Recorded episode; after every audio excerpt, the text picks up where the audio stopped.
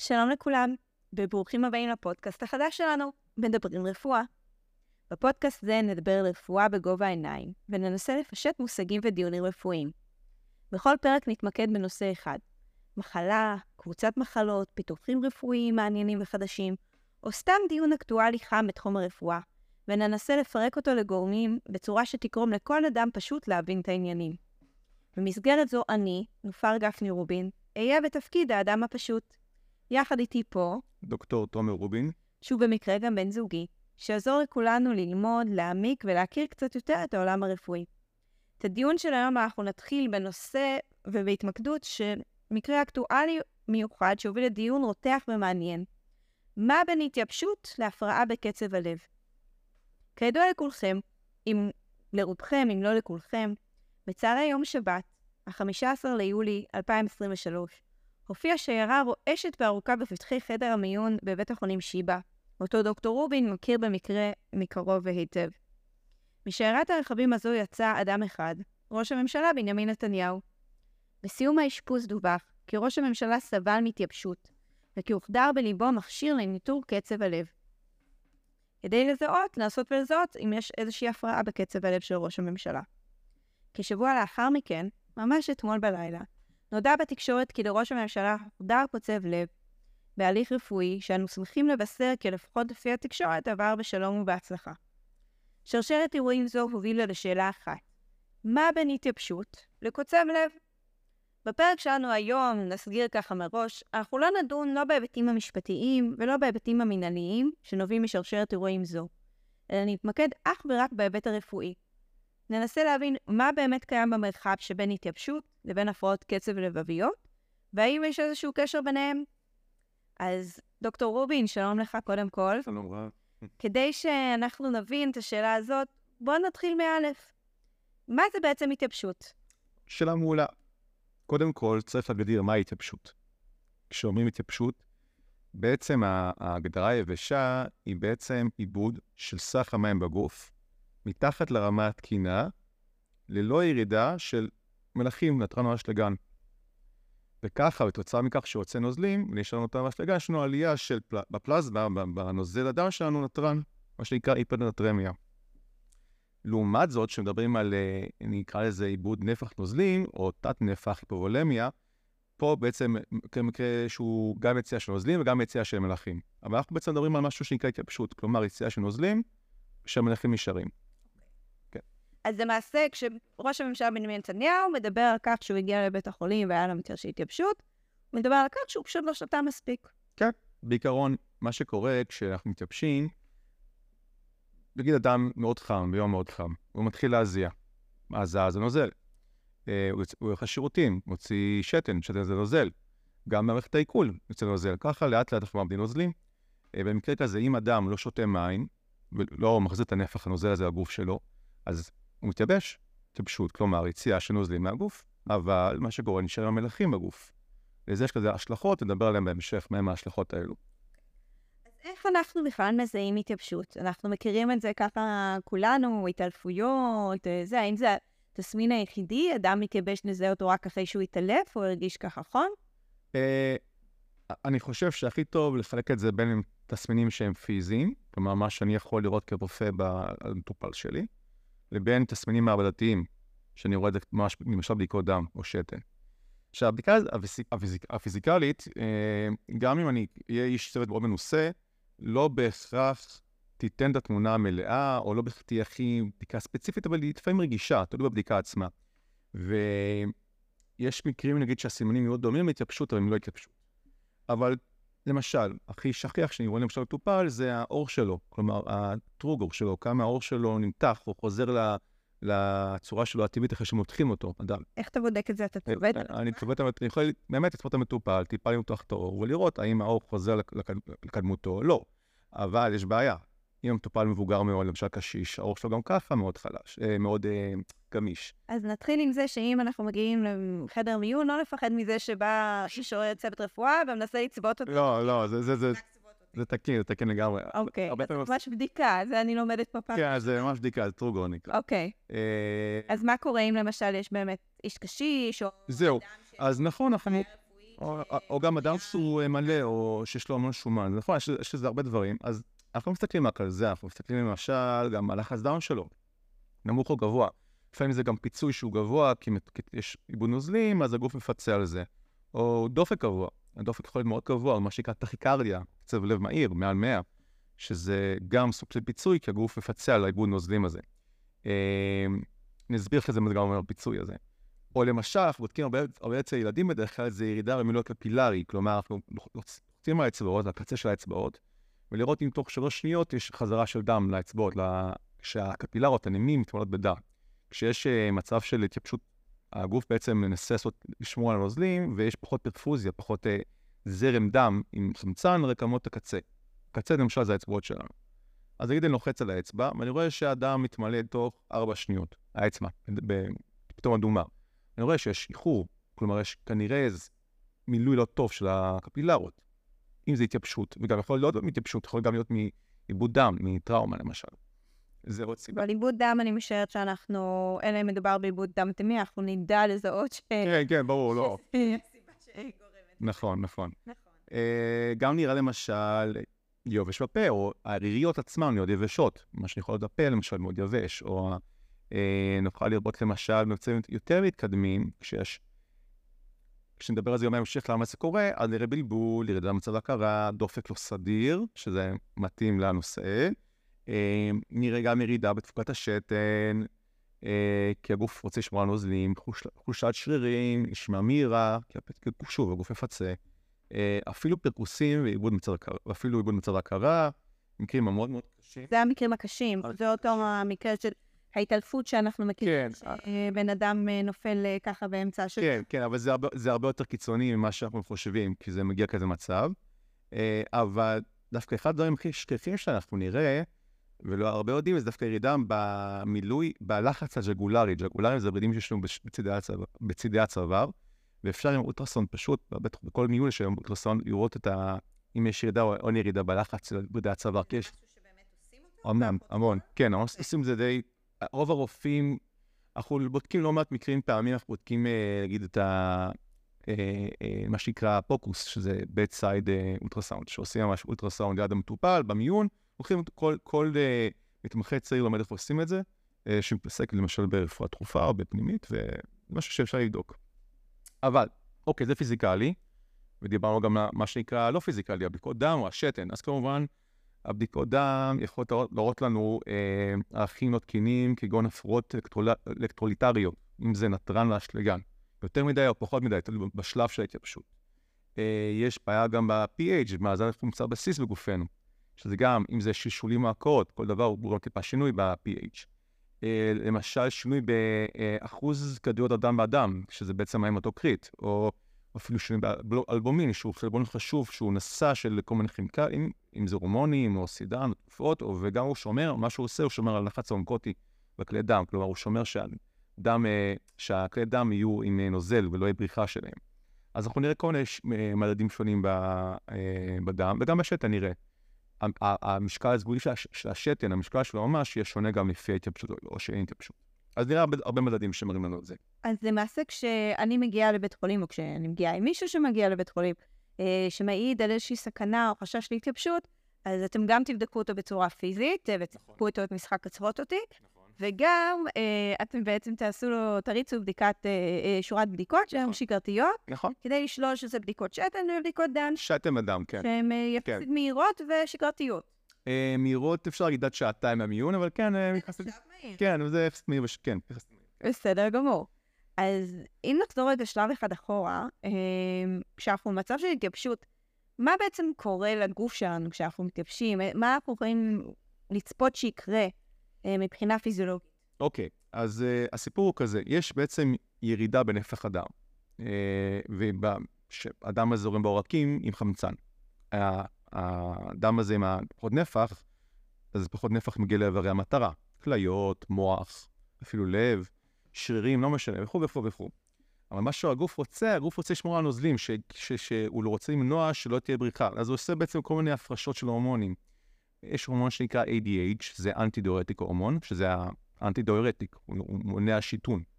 אה, הוא גורם לכך שלא ניתן הרבה שתן, שבכליות לא יהיה אה, הוצאה של נוזלים. נתחיל להיות יותר צמאים, נרגיש את היובש בפה ונהיה יותר צמאים, וכי בעצם מה שקורה, הגוף רוצה לשמור על, אה, על מה שנקרא הומוס- הומוסטזיס, כלומר על שיווי משקל, על, הוא רוצה לשמור, על, הוא עושה רגולציה על עצמו.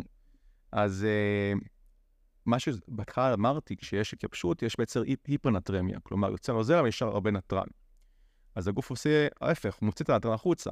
אז אנחנו בעצם גורמים לעצמנו היפרנטרמיה, כלומר פחות נתרן, וזה מאוד מסוכן ההיפרנטרמיה. אה, ההיפרנטרמיה, לפי כמה שאנחנו מגיעים, בוא נגדיר את זה ככה.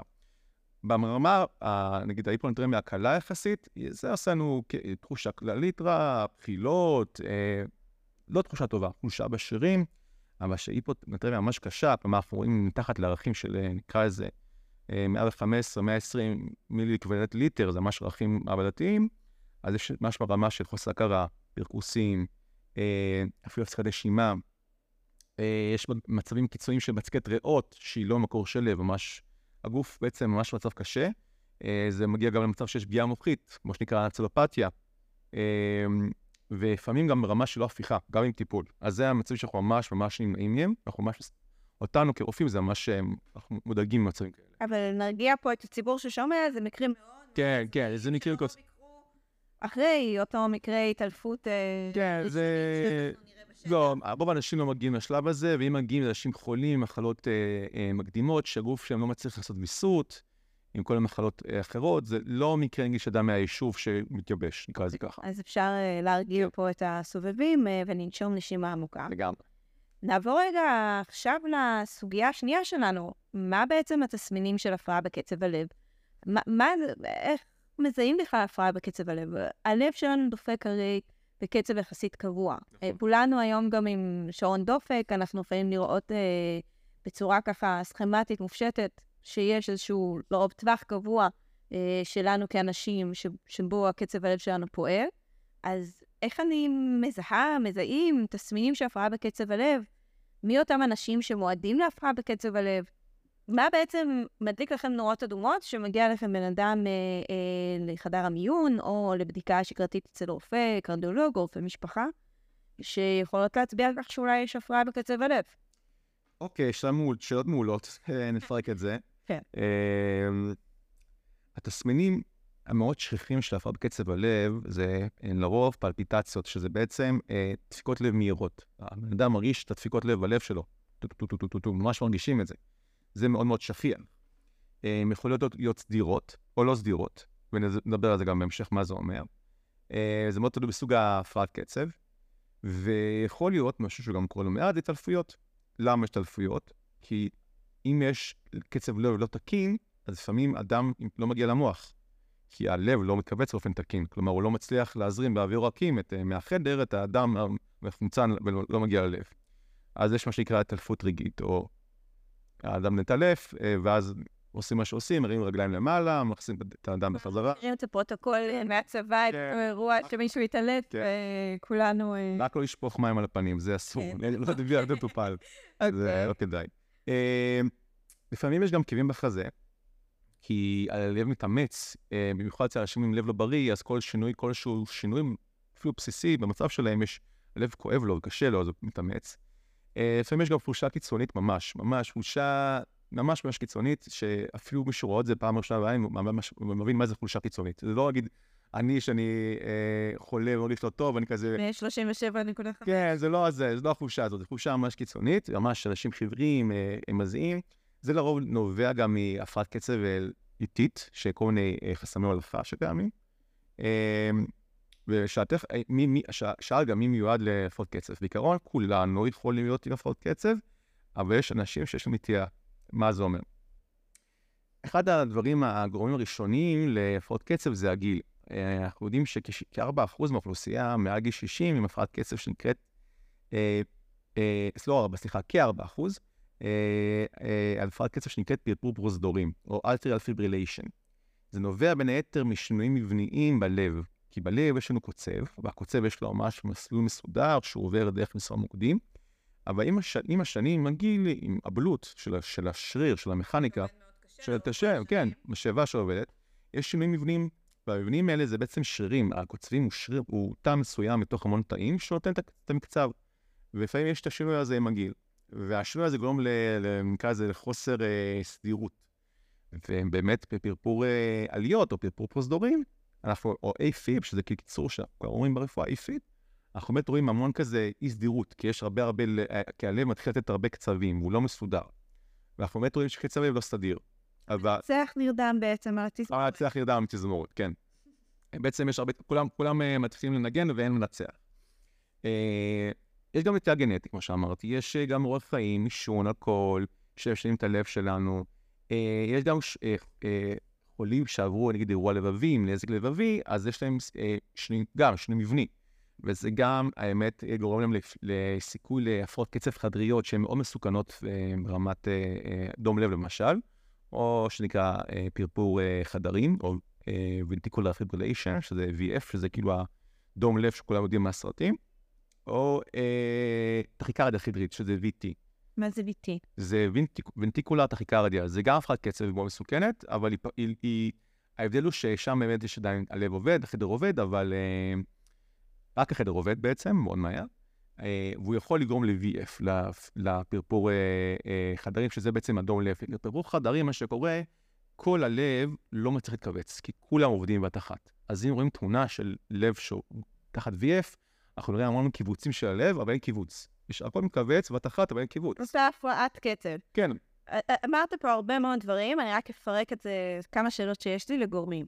אז קודם כל אמרת נטייה גנטית. כן. נטייה גנטית אה, מדרג ראשון, מדרג שני. כמה אחורה נראה את זה? למשל, אם במקרה שלי, לסבתא שלי הושתל קוצב לב כאשר היא הייתה בת 65. כן. האם זה מעלה את הסיכון שלי כדור שני אה, להיות מושתלת קוצב לב? לא, לא בהכרח, לא בהכרח. אנחנו, יש הפרעות קצב מסוימות שהן עוברות, שאנחנו יודעים שהן גנטיות, למשל, שהן עוברות בין, אה, בין, אה, בין משפחה, או אה, אה, הפרעות אה, מבניות של הלב, שמשפיעות על קצב הלב.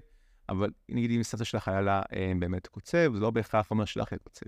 אוקיי, okay, אז זה משהו שמבחינה גנטית לפחות, זה כן אמור להיות במעקב, וזה משהו שאמור להיות כתובת על הקיר, ידועה לרופא המטפל, למש... ושהוא ידע לזהות את זה. למשל, אם, יש, אם למישהו אה, שקרוב במשפחה שלך בדרגה ראשונה עבר דום לב בגיל צעיר, כן, צריך לדעת את זה, כי זה יכול להשליך עלייך, על דום לב בגיל צעיר. יש הרבה סיבות לכך, אה, אני לא אפרט אותן, אבל בגרון... איך שהלב בנוי. איך שהלב בנוי, הצורה של גם, הצורה של בעצם אה, של ה... אה, איך המסלול של הקיצוב הלב, גם איך שהוא קיים, יש כל מיני הפרעות מסוימות שעושות את זה. זו השאלה הראשונה שהייתה לי. השאלה השנייה שהייתה לי הייתה בעצם, דיברת קצת על הפרעות בקצב הלב, שיכול להוביל לדום לב, ומזה אנחנו, אנחנו תכף נגיע למה עושים אם מוצאים הפרעה בקצב הלב, כן. אבל אם לא מטפלים בה, אז באמת הפרעה בקצב הלב יכולה להיגמר באירוע לבבי ואף בדום לב. חד משמעית, כן. ושאלה שלישית, כי אני זיהיתי ככה בחושה יחדים, אה, שגם במקרה של התייבשות, אחד התסמינים הוא התעלפות, וגם כאן, אם יש הפרעה בקצב הלב, אחד התסמינים הם התעלפות, נכון? כן. כך שיכול להיות תרחיש קיצוני, אך קיים, שאדם שהתעלף, שחשב שזה בגלל שהוא היה בחוץ והתייבש כי לא שתה מספיק, נכון. יגיע בסוף לחדר המיון ולאחר ביצוע מספר בדיקות פשוטות, יעלה החשד שמעבר לעובדה שהוא רק התייבש, ההתעלפות נבעה מאירוע כן. אחר שקיים ברקע. נכון. אה, בסדר גמור, אז תכף נדבר על איך אנחנו נבין שזה אירוע שקרה ברקע ולמה, אה, למה, איך נדע לזהות שזה לא רק התייבשות, אז אולי באמת נדון בשאלה הזאת. במידה ומגיע מישהו שיש חשד אה, להפרעה בקצב הלב, ומדובר באדם מהיישוב, לא אדם שהוא נמצא במעקב, שאנחנו יודעים שיש איזושהי קרבה מדרגה ראשונה לאיזשהו אירוע לבבי או בעיות אה, לבביות ברקע, אז איך אתה כרופא בחדר המיון מזהה שאותה התייבשות או חשד התייבשות היא יכולה להיות קשורה גם להפרעה בקצב הלב? אז בעצם אנחנו עושים את האנמנזה, כמו שאמרת, ומבינים לפי השאלות, אנחנו ממש מנסים לחקור מה היה, איך היה, אם כאב, לא כאב, כמה זמן זה היה, יש לך עבר לבבי, אתה עושה, אתה עושה, מעשן, לא מעשן, עושה ספורט, ממש עושים הרבה שאלות, ממש מנסים להבין מי, הבן אדם שמולי, או האישה, או הגבר. ואם מבינים שיש באמת חשד, בלי קשר, אנחנו גם אנשים גיל מסוים עושים מכולם אק"ג. זה סוג של... אה, איזה גיל? בצורה... אה, לא, לא, לא, נקרא לזה, ככה, כל אדם עם משהו שמתאים להתעלפות, אה, שהוא אדם בוגר במיון, מקבל אק"ג. בוגר זה מ-18 פלוס? אה, הייתי זה מאוד תלוי, בית חולים הייתי אומר שכן, הייתי אומר שכן. אה, נגיד, פרוטוקול רצוי, כן. זה תלוי זה, אבל נגיד, כל אדם שמתעלף מגיע לו אק"ג, בגדול. אוקיי. גם צעירים אגב, גם ילדים. כך שיכול להיות תרחיש שאדם מגיע לכותלי בית המיון עם אמירה אני התייבשתי, עושים לו אק"ג. עדיין, חד משמעית. ומשם מגלים שיש איזושהי הפרעה באק"ג, פשוט הפרעה בקצב לבבי, או חשד ההפרעה בקצב כן, לבבי. זה צריך לדבר על זה. אק"ג בעצם, או הקיצור שלו זה אלקטרוקרדיוגרף, הוא נותן לנו אה, את התרשים של אה, זרם, של אה, מסלול של זרמי הלב, כלומר של. המסלול החשמלי של הלב, והוא מראה לנו באותו נקודת זמן שאנחנו עושים אותה. הוא לא מראה לי מה לפני נגיד חמש או עשר שעות או לפני יום, הוא לא מראה לי את זה. אבל הוא כן יכול להראות לי סמ... אה, אה, כל מיני סימנים ב-EKG שכן יכולים להראות לי אם ללב היה משהו בעבר, או כרגע יש לו איזו הפרעה כלשהי, אה, איזה חסם הולכה שמפריע לו, או איזה אה, הפרעת קצב מהירה, הוא יכול להראות לי את זה. הוא יכול להראות לי כל מיני שינויים ב-EKG שאנחנו רואים אותם. אה, וגם אם ב-EKG הזה אני לא רואה, אנחנו בעצם ממליצים לכל מטופל, לכל מטופל שיש לו כזה אה, אה, חשד של אה, הפרעות קצב, זה לבצע הולטר. אה, הולטר EKG זה בעצם בדיקה שאנחנו ממליצים לעשות אותה לרוב, אם זה בבית חולים, או לרוב זה ב... לא בבית חולים, לרוב זה עושים את זה בקהיל- בקהילה, שמצמידים מין EKG כזה נייד, והוא רושם את הלב למשך אה, 24-48 שעות, ואז מביאים את המכשיר אחרי זה לקופה, ואז מישהו בעצם מפענח את התוצאות. אם יש, אם בלילה למשל היו הפרעות קצב, האם פה, אנחנו ממש רואים את זה. זה כדי בעצם לגשר על הפער שה-EKG שעושים בבית החולים, הוא תופס תמונה רגעית של נכון. הבדיקה. נכון, ולכן אם אה, האדם מגיע אחרי שמקרה ההתעלפות היה מספר שעות קודם לכן, ייתכן שהיה איזושהי הפרעה בקצב הלב באותו רגע שקדם להתעלפות, וכשהגענו לבית חולים כבר לא מזהים את ההפרעה הזאת, כי ההפרעה בקצב הלב היא לא מספיק עקבית כדי שהיא תהיה כל הזמן. נכון. כן יש מקרים אבל שאנחנו עושים בדיקות דם, שנקרא טופונין, שטופונין זה בעצם אה, מורכב משלוש יחידות של אה, אה, חלבון שקשור ללב. הוא נמצא גם בלב, הוא נמצא גם בשרירים, אה, בשרירי שלד. אה, הוא לא נמצא בשרירים חלקים, שזה אומר כאילו שרירים נגיד של המעיים וכאלה. כן. אה, וכשיש נזק ללב, כל נזק הוא מופרש במחזור הדם, והוא עולה בערך תוך 4-6 שעות, והוא מגיע לשיאו תוך אה, בערך, אה, אה, בערך נקרא לזה משהו כמו אה, שמונה שעות, והוא יכול להיות- מאוד גבוה למשך אה, תקופה ארוכה של עד שבוע אפילו. אבל זה כאילו סוג של אה, סימן, לא, זה מרקר כאילו, שנותן לנו מענה, כאילו, הוא, הוא עוד משהו שהוא חברת הפאזל. אם אני אראה טופונין גבוה אצל אדם עם הפרעות, שאמר לי שהתעלפתי, אני אגיד לו, אוקיי, יכול להיות שהיה לי פה הפרעת קצב, שווה שהוא יתאשפז פה, נעקוב אחריו עם מוניטור, נשים לו מוניטור כמו הולטר, אצלנו באשפוז, שווה, ונראה אם יש משהו. ואם לא, נעשה בירור יותר מקיף בהמשך, נעשה צנתור וירטואלי או צנתור אמיתי, תלוי במצבים. זה משל מרקר שהוא מאוד חשוב, מאוד רגיש. אז אם אנחנו חוזרים בעצם אה, למקרה שהוביל אותנו אה, לדיון הנוכחי, אה, א', אנחנו מזהים שבהחלט יכול להיות היה מקרה שבו אה, ראש הממשלה התעלף, כן. חשב שזו התייבשות, כי הוא היה בחוץ ביום חם, אה, או- כפי שהוא אמר, באזור. הכנרת, והרגיש חולשה, אה, או אפילו כפי שחלק מהדיווחים טענו, אך לא אומתו, הרגיש כאבים בחזה. אה, הגיע לכותלי בית החולים מתוך מחשבה שייתכן שזו התייבשות או משהו לא מזוהה, שהוא לא מצליח לפענח, ואז הצוות הרפואי שם בא ונתן לו בעצם המלצה לעשות אק"ג, ובהמשך זה הוא קיבל הפניה להולטר אק"ג, זו הבדיקה שבוצעה לו לאחר מכן. זהו, מה שעשו, בעצם לא עשו הולטר רגיל, שמו לו מה שנקרא ILR, שזה בעצם אה, מסתירים תחת האור, קרוב ללב, אה, מעין אה, מכשיר שמאזין ללב, נקרא לזה ככה, ובעצם בודק את הקצ- קצב הלב. ואפשר באופן כזה, כמו משהו, מכשיר אלחוטי, אפשר להרים מכשיר ולהעתק את המידע הזה למחשב או לענן, וככה אפשר לראות אם היו אירועי קצב. עכשיו, גם המכשיר הזה יכול... קצב הבא? או, בז... לא, בזמן אמת. אוקיי. ולמשל אפשר, הוא גם נותן התראות, המכשיר הזה. אה, ה-LR נחשב יותר מדויק מההולטר אק"ג? לא, הוא לא נחשב יותר מדויק, אבל הוא, עושים אותו במצבים מסוימים. הוא, הוא לא כזה שכיח כמו הולטר אק"ג. למעשה הוא. לא, הוא ממש לא שכיח, הוא...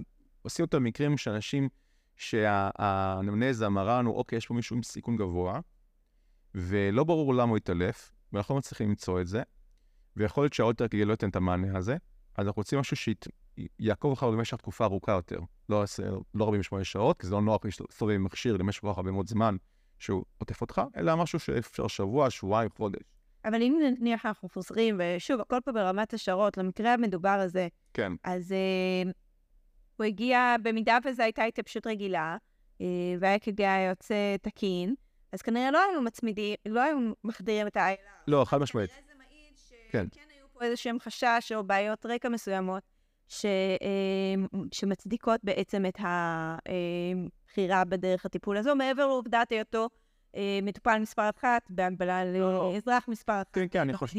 אני חושב שגם אם זה אדם, אה, שוב, שהוא לא ראש הממשלה, שכביכול מאוד חשוב לטפל בו, כי הוא, הוא שוב, ברור מאליו, לא משנה מי אתה, אתה ראש הממשלה. אני חושב שכל אדם כזה, שהיינו שהיו חושדים הרופאים שיש פה משהו שהוא מריח לא טוב, כזה מסריח, אתה אומר, אוקיי, הבדיקות ככה לא משהו פה, ופה לא כזה תקין, ואני הבנתי שגם לו, אק"ג לא תקין גם, ומשהו שידוע, אז הכל מכוון אותנו למשהו. EKG לא תקין כשהוא הגיע לבית החולים, כן. EKG קודם באירוע המדובר לא. שהיה ביום. אני, אני, מה- זה מה שפרסמו, כן, שהיו אק"ג לא קשור כבר שנים, אק"ג לא תקין, ויש לו איזה בעיה כלשהי. אני לא יודעים מה זה, אני לא יודע, אני לא יודע. אבל אני יכול לשער שכל ה... כל התסמינים, כל התוצאות הראו, אוקיי, יש משהו חשוד, והוא לא נראה תקין. אה, וכתוצאה מכך הוא באמת עבר בסוף, אה, אה, בסוף באמת השתילו לו קוצב, כי באמת היה לו הפרעת קצב. אבל בתפיסה שלך אין פה איזשהו מאורע חריג או מידע רפואי רב שהוסתר, או בעיה לבבית רקע שהייתה קשה, שהיה צריך לגלות עליה. לא, לא, אני חושב לא מדובר פה על איזשהו מקרה קיצון, כן יש פה איזשהו תרחיש מסוים שהוא יכול להיות הגיוני כן, כן, לאדם מן היישוב. שהוא יכול להיות הגיוני, אבל מבחינת התסמינים ודרכי הפרוטוקול הטיפול וההחלטות הרפואיות שבוצעו. כן, אני חושב שכן, אני רק חושב שקטע שההתייבשות היא פה לא הגדרה נכונה, כי נגיד אם אדם היה מתייבש אצלנו במיון, לא, לא משנה, כל בית חולים מיון, הוא לא היה מגיע ל- ל- ל- להשתלת קוצב, אלא אם היו תוצאות לא תקינות בסיפור הזה. כלומר, איפה? אני אומר, כל אדם שמגיע עכשיו, אתה אומר, תוצאות לא תקינות, אבל של? של אק"ג או בדיקות דם וכדומה, ההתייבשות עצמה, כי התייבשות היא טיפול מאוד פשוט, להחזיר נוזלים. לרוב עושים- עושים החזרת נוזלים, חוזרים הביתה, מקרים קשים, עושים אשפוז, ואחרי זה חוזרים הביתה. נדיר שאתה עושה דברים כאלה, אבל כאן, ה- ה- ה- ההתייבשות פה זה לא העניין, זה לא הייתה התייבשות. זה ברור, לכולם זה ברור שזה לא הייתה פה התייבשות. לי כרופא, אולי אבל באותה נקודת זמן חשבו שזו הייתה התייבשות. יכול להיות, יכול להיות. זה מה שאני מנסה להבין. כן, אני אני מנסה. להבין האם יש פה רצף רפואי הגיוני מבחינת הלך העניינים והדברים התגלגלו, או שכמו הדיון, ששוב אמרנו, אנחנו לא נכנסים להיבטים המשפטיים ולא המינהליים, או האם יש פה משהו שלא גילו לנו בזמן אמת. אז אני לא יכול לדעת, אני יכול רק לשער. אני יכול להגיד, להגיד שכנראה, כנראה, אה, הרופאים ראו משהו מסוים, הבינו מה יש לנתניהו, אמרו, אוקיי, הוא צריך כנראה עכשיו אה, ILR, צריכים לראות אם יש לו הפרעות קצב, זה להמשך בדיקה. נמשך בעיקר. זה לצורך העניין שזה האזרח מספר אחד, גם אני לא הייתי לוקחת סיכונים כן, חד משמעית, בבדיקה הזה, חד משמעית. וכנראה שאם היו יודעים מראש מה הייתה הסיבה, לא היה צריך אה, ILR. אה, אם היו יודעים מראש שיש איזושהי הפרעה נכון, בקצב הלב, נכון. כי אחרת פשוט אה, ישר פונים להליך של החדרת קוצב לב. נכון. ומצד שני, לא בטוח שזה בהכרח הליך כל כך אה, אה, לא יוצא דופן. זה שהחליטו ל- ללכת על ה-ILR בהינתן העובדה שהיה איזשהו רקע שהוא הגיוני וידוע לכל, אה, או ידוע לפחות לצוותים הרפואיים, אה, קודם לכן. כן. אז מצאנו שיש הפרעה בקצב הלב, שזה כנראה מה שקרה במקרה הספציפי שלנו, של מר בנימין נתניהו, לאור התוצאות של האירוע, כפי שידוע לנו. איך מטפלים בהפרעה בקצב הלב? אוקיי, זה באמת תלוי בהפרעות קצב הלב. יש הפרעות שהן ממש פתאומיות, או פרוקסיזמליות, פרוק- פרוקסיזמליות, אה, ועד שאין טריגר, הוא לא, לא, שגורם להפרעה של ההפרעה בקצב, לא הייתה הופעה. נגיד, תגיד, אני עכשיו מתייבש, אין לי פתאום atrial fibrillation, או פרפור אה, פרוזדורים, התייבשתי. אה, או למשל, עשיתי התקפה לחוצה, או לא יודע, עישנתי וזה עשה משהו. ויש טריגרים לא ברורים תמיד. לפעמים יש טריגרים שאנחנו יודעים מה הטריגרים האלה. אבל יכול להיות שגם לא יהיה את זה, יכול להיות שיהיה גם משהו כרוני. שהוא כאילו אותו דבר, אותו פרפור פרוזדורים, כדוגמה, שהוא כרוני עכשיו, כרוני זה אומר חוזר על עצמו שהוא תמידי, תמידי. שהוא לא חזר לקצב המקורי, שנקרא קצב סינוס. Uh, זה מאוד תלוי מה, מה, איזה סוג של הפרעת קצב, שוב, כמו שאמרתי. יכול להיות למשל, uh, יש, uh, למשל, uh, אני זוכר, טופלת לפני משהו שטיפלתי בה, שכל שבוע הייתה מגיעה לנו למוקד והייתה מקבלת אה, טיפול תרופתי להפוך, קצב, להפוך את קצב הלב שלה מקצב מהיר לקצב אה, רגיל, על הקצב שנקרא, על הפרעת קצב שנקראה SVT, סופר ונטיקולה טכיקרדיה. זה הפרעת קצב מסוימת ממקור עלייתי, לא חדרתי, היא פחות מסוכן מהחדר, כי מה שלמעלה פחות מסוכן ממה שלמטה. והיא קיבלה כל שבוע, באמת קיבלה טיפול תרופתי להפוך את זה. אז זו מחלה כרונית לכל דבר, שלצורך העניין אתה אומר שבמקרה כזה אין איזשהו מכשור רפואי שמאפשר לקבל את הטיפול התרופתי אחת לשבוע בצורה עצמאית, אלא היא נדרשת לבוא להיפגש עם צוות רפואי, כן. ולתן לה את התרופה המתאימה. אגב, רעיונות לפיתוחים רפואיים, אה, מאזינים יקרים, זה נשמע לי כמו...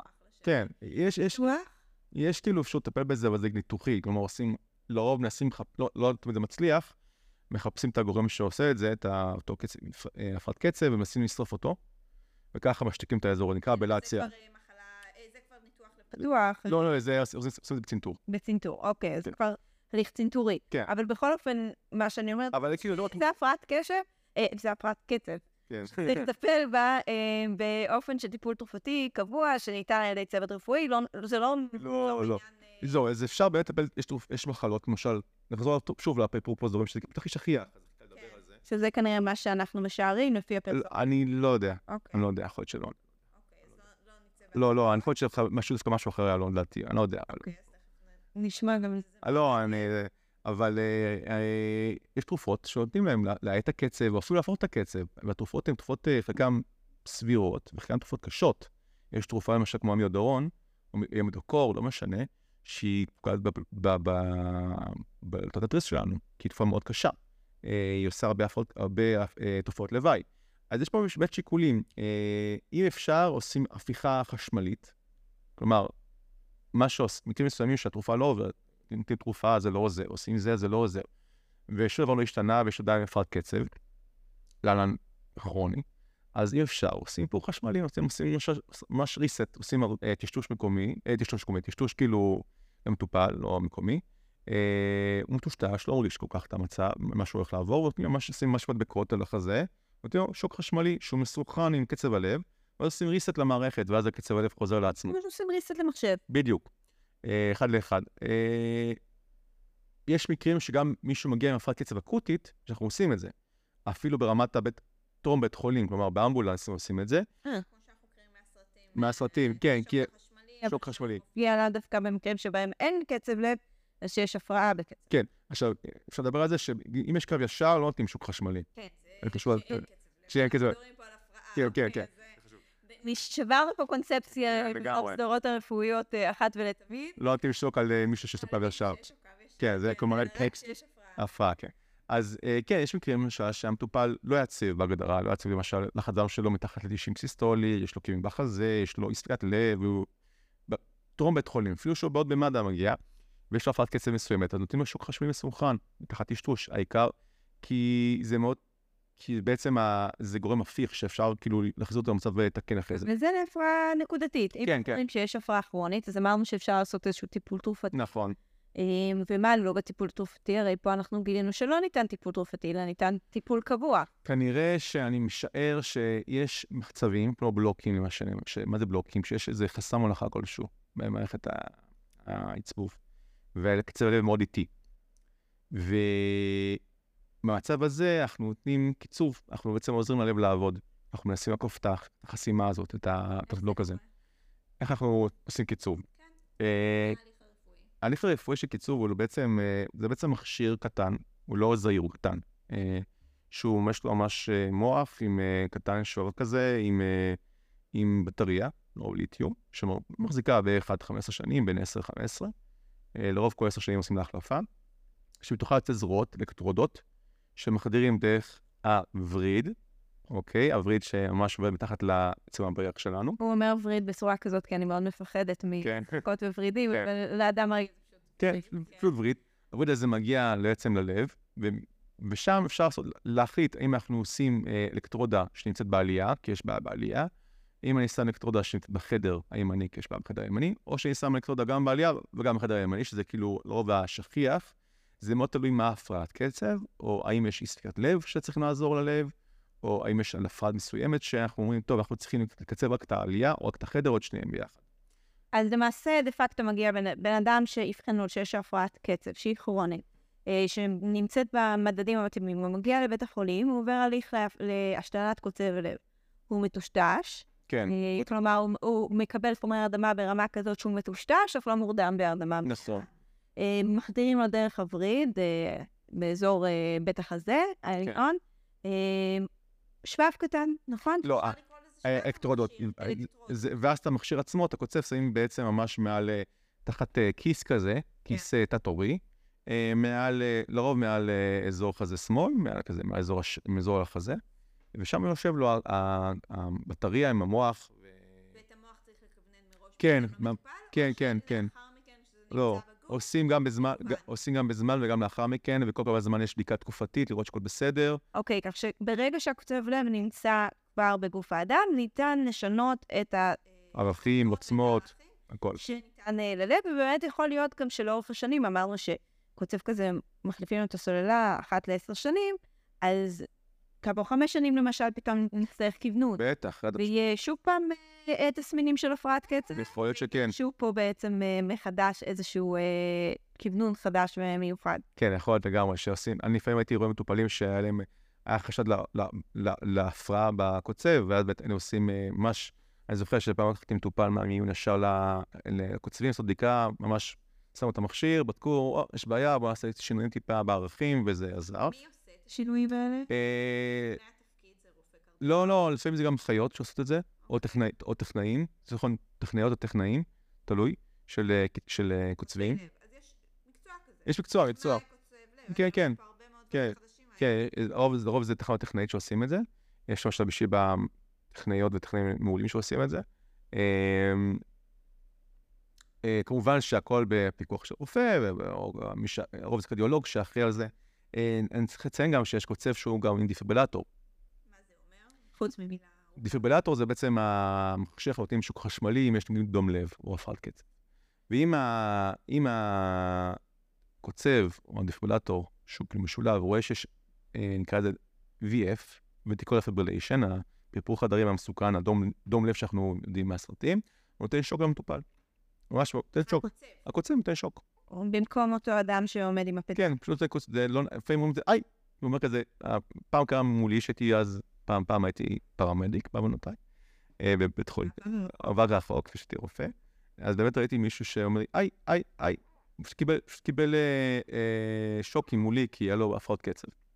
ומה אם אה, לצורך העניין אז אתמול עבר ראש הממשלה אה, הליך של החדרת קוצב לב. אמרנו שהקוצב לב הזה יכול להחזיק עצמו במשך עשר שנים, אה. להיות מכוונן אה, אחרי כן. כמה שנים ככל שנדרש ורואה צורך. נכון. אה, איך אנחנו בעצם, נתחיל שאלה אחת לפני כן. אה, כמה שנים הטכנולוגיה הזאת קיימת? אה, אה, זאת טכנולוגיה חדשה? וישנה? האמת היא מאוד ישנה, אפילו ברמה שהקוצב הראשון שהושתל על מישהו, אה, קוצב מודרני, הושתל ב-1958 לילדה בת שלוש, אה, בשוודיה. כך שמדובר בטכנולוגיה שהיא כבר למעלה מ-20 שנה מבצעים אותה כמעט. ברור, ברור. אפילו. כן, אפילו הקוצבים המשולבים, הדואל צ'יימבר, כלומר, עלייה חדר, הם גם שנות ה-80-70 אפילו. שזה מדהים לחשוב איך בשנים האלה כבר חשבו על טכנולוגיה כזאת עם חשמל, אה, כן, בגדלים כאלה כדי לשנות את קצב. כן, דיברו על זה עוד שנות ה-20 של אה, המאה ה-20, על, אה, על קיצוב, על אה, מתן חשמליות, בדקו את זה, אז עשו מחקרים ראשונים לפני המון שנים, התפתח למה שהתפתח היום. וזה התפתח מה שהתפתח היום, התהליך שאותו אנחנו מכירים היום הוא קיים בערך משנות ה-80, משהו כזה, מה שאנחנו מגיעים, הדואל צ'יימבר, כן. שגם כאן אנחנו רואים שבעצם משתמשים באותה טכניקה, פלוס מינוס. כן, זה משופר פה, משופר שם, אבל באותו אותו רעיון בסופו של דבר, כן. אוקיי, זה מחזיק אה, ככה הרבה הרבה. אה, זמן. ומה הכיוון לעתיד? יש כיוונים כן, לעתיד? אה, מה שראיתי לפי הדיבורים הוא בעצם אה, שעברו למצב של קיצוב ללא אה, אלקטרודות שכנסו ללב, אלא קיצוב חיצוני, אבל תחת תת-עור, תת-עורי. אה, כלומר, לידלס, כלומר, ללא האלקטרודות האלה. כי שוב, דבר כזה זה משהו שהוא זר שנכנס לגוף שלנו, יכול לעשות זיהומים, יכול לעשות דברים, דימומים, כי מישהו ככה צריך לקחת מדלל אדם גם, בין היתר, למנוע, אה, למנוע שלא יהיה סתימות בלב, אה, בכלי הדם, כאילו דברים כאלה, כי זה בעצם משהו זר שיושב שם בפנים. אז הדיבור הוא בעצם קיצוב אה, אה, חיצוני, אבל תת-עורי. אה, חיצונית אתה רואה. כאילו, לא, שהקיצ... שה... שה... שלא יהיה חוטים שנכנסים לתוך הלב, אלא משהו שמעל הלב, יושב על... אוקיי. כביכול חיצוני, אבל... אה, שיהיה באותו גודל? אני, זהו, יש לי דברים גם על, על, אה, על, אה, על ננו, כלומר, על, על לידים, על אלקטרודות בגודל של ננו, שהם מיקרוסקופים, שגם נתנו קיצוף, או המיקרו. שזה יפשט גם בטח את תהליך ההחדרה. אני לא יודע, האמת, אני חושב על זה ככה, להחדיר משהו כוח מיקרוסקופי צריכים גם מיקרוסקופ, אז באמת שאלה. Mm. שאלה טובה, אני לא יודע להגיד לך על זה. אבל בסופו של דבר, המטרה היא כנראה להקטין את הגודל של, ה... של הקונצפט. מכשיר. הוא מכשיר, הוא מכשיר שרואים אותו בעין, כאילו, הוא רגישים אותו גם. ויש לו גם טיפה גרבולת עליו, אבל צריכים, אני מאמין שיקטינו אותו, וגם האורך החיים שלו כנראה יותר ארוך יותר. הבטריות יהיו טיפה יותר יעילות, אני מאמין. אה, כן, למשל, היום ממשלה קוצבים, רובם היום יכולים לעבור MRI, כאילו, פעם פחדו מזה, מהפרעה מגנטית, היום אין בעיה עם זה. והם גם לא היו עוברים אה, בבודקים המגנטיים. היום אין בעיה. היום אין בעיה, כאילו זה. כן, יש בעיה למשל עם מחשבים טלפונים. אסור שיהיו קרוב מדי לקוצב, זה טיפה הפרעה, אבל... וזה כי נותן את ההפרעה בעצם בקיצור, ב... אה, כן, הוא מפריע טיפה למכשיר, כן. למכשיר, אוקיי. עכשיו, הופתע קוצב לב בליבו של ראש הממשלה אה, אתמול, זה כפי שידוע לנו בפרסומים של התקשורת. מהי רמת הבריאות של אדם שהוגדר אצלו קוצב לב? האם זה משפיע איך שהוא אחרי היום-יום שלו? האם הוא צריך לקחת טיפול תרופתי נלווה? אה, האם בהינתן שזו זה התסמין היחידי, האם, אה, איך בעצם הוא ממשיך לחיות ביום שאחרי? האמת, לא כזה שונה באופן משמעותי ממה שאת חושבת. אה, צרפים באופן טבעי לנוח כמה ימים אחרי, אה, להימנע מתזוזות של הכתף, של האזור, שלא יזיזו את הקוצב מהמקום. לא, יש הרבה רופאים שמבקשים מהמטופלים לא למתוח את השריר החזה יותר מדי מהצד שמאל, איפה שם משהו הקוצב. רוצים להימנע משחייה אם אפשר, שלא, שוב, כי זה תזוזה של האזור. ממליצים לא להרים משקלים מעל גורם משקל 10 קילו, או להיזהר בלבישה של בגדים, שוב, כי זה תזוזה של יד שמאל. אבל לא משהו שהוא כזה משמעותי ממה שאת חושבת, זה לא, לא חוזרים לתפקוד... כולל פעילות גופנית, דרך כן. אגב.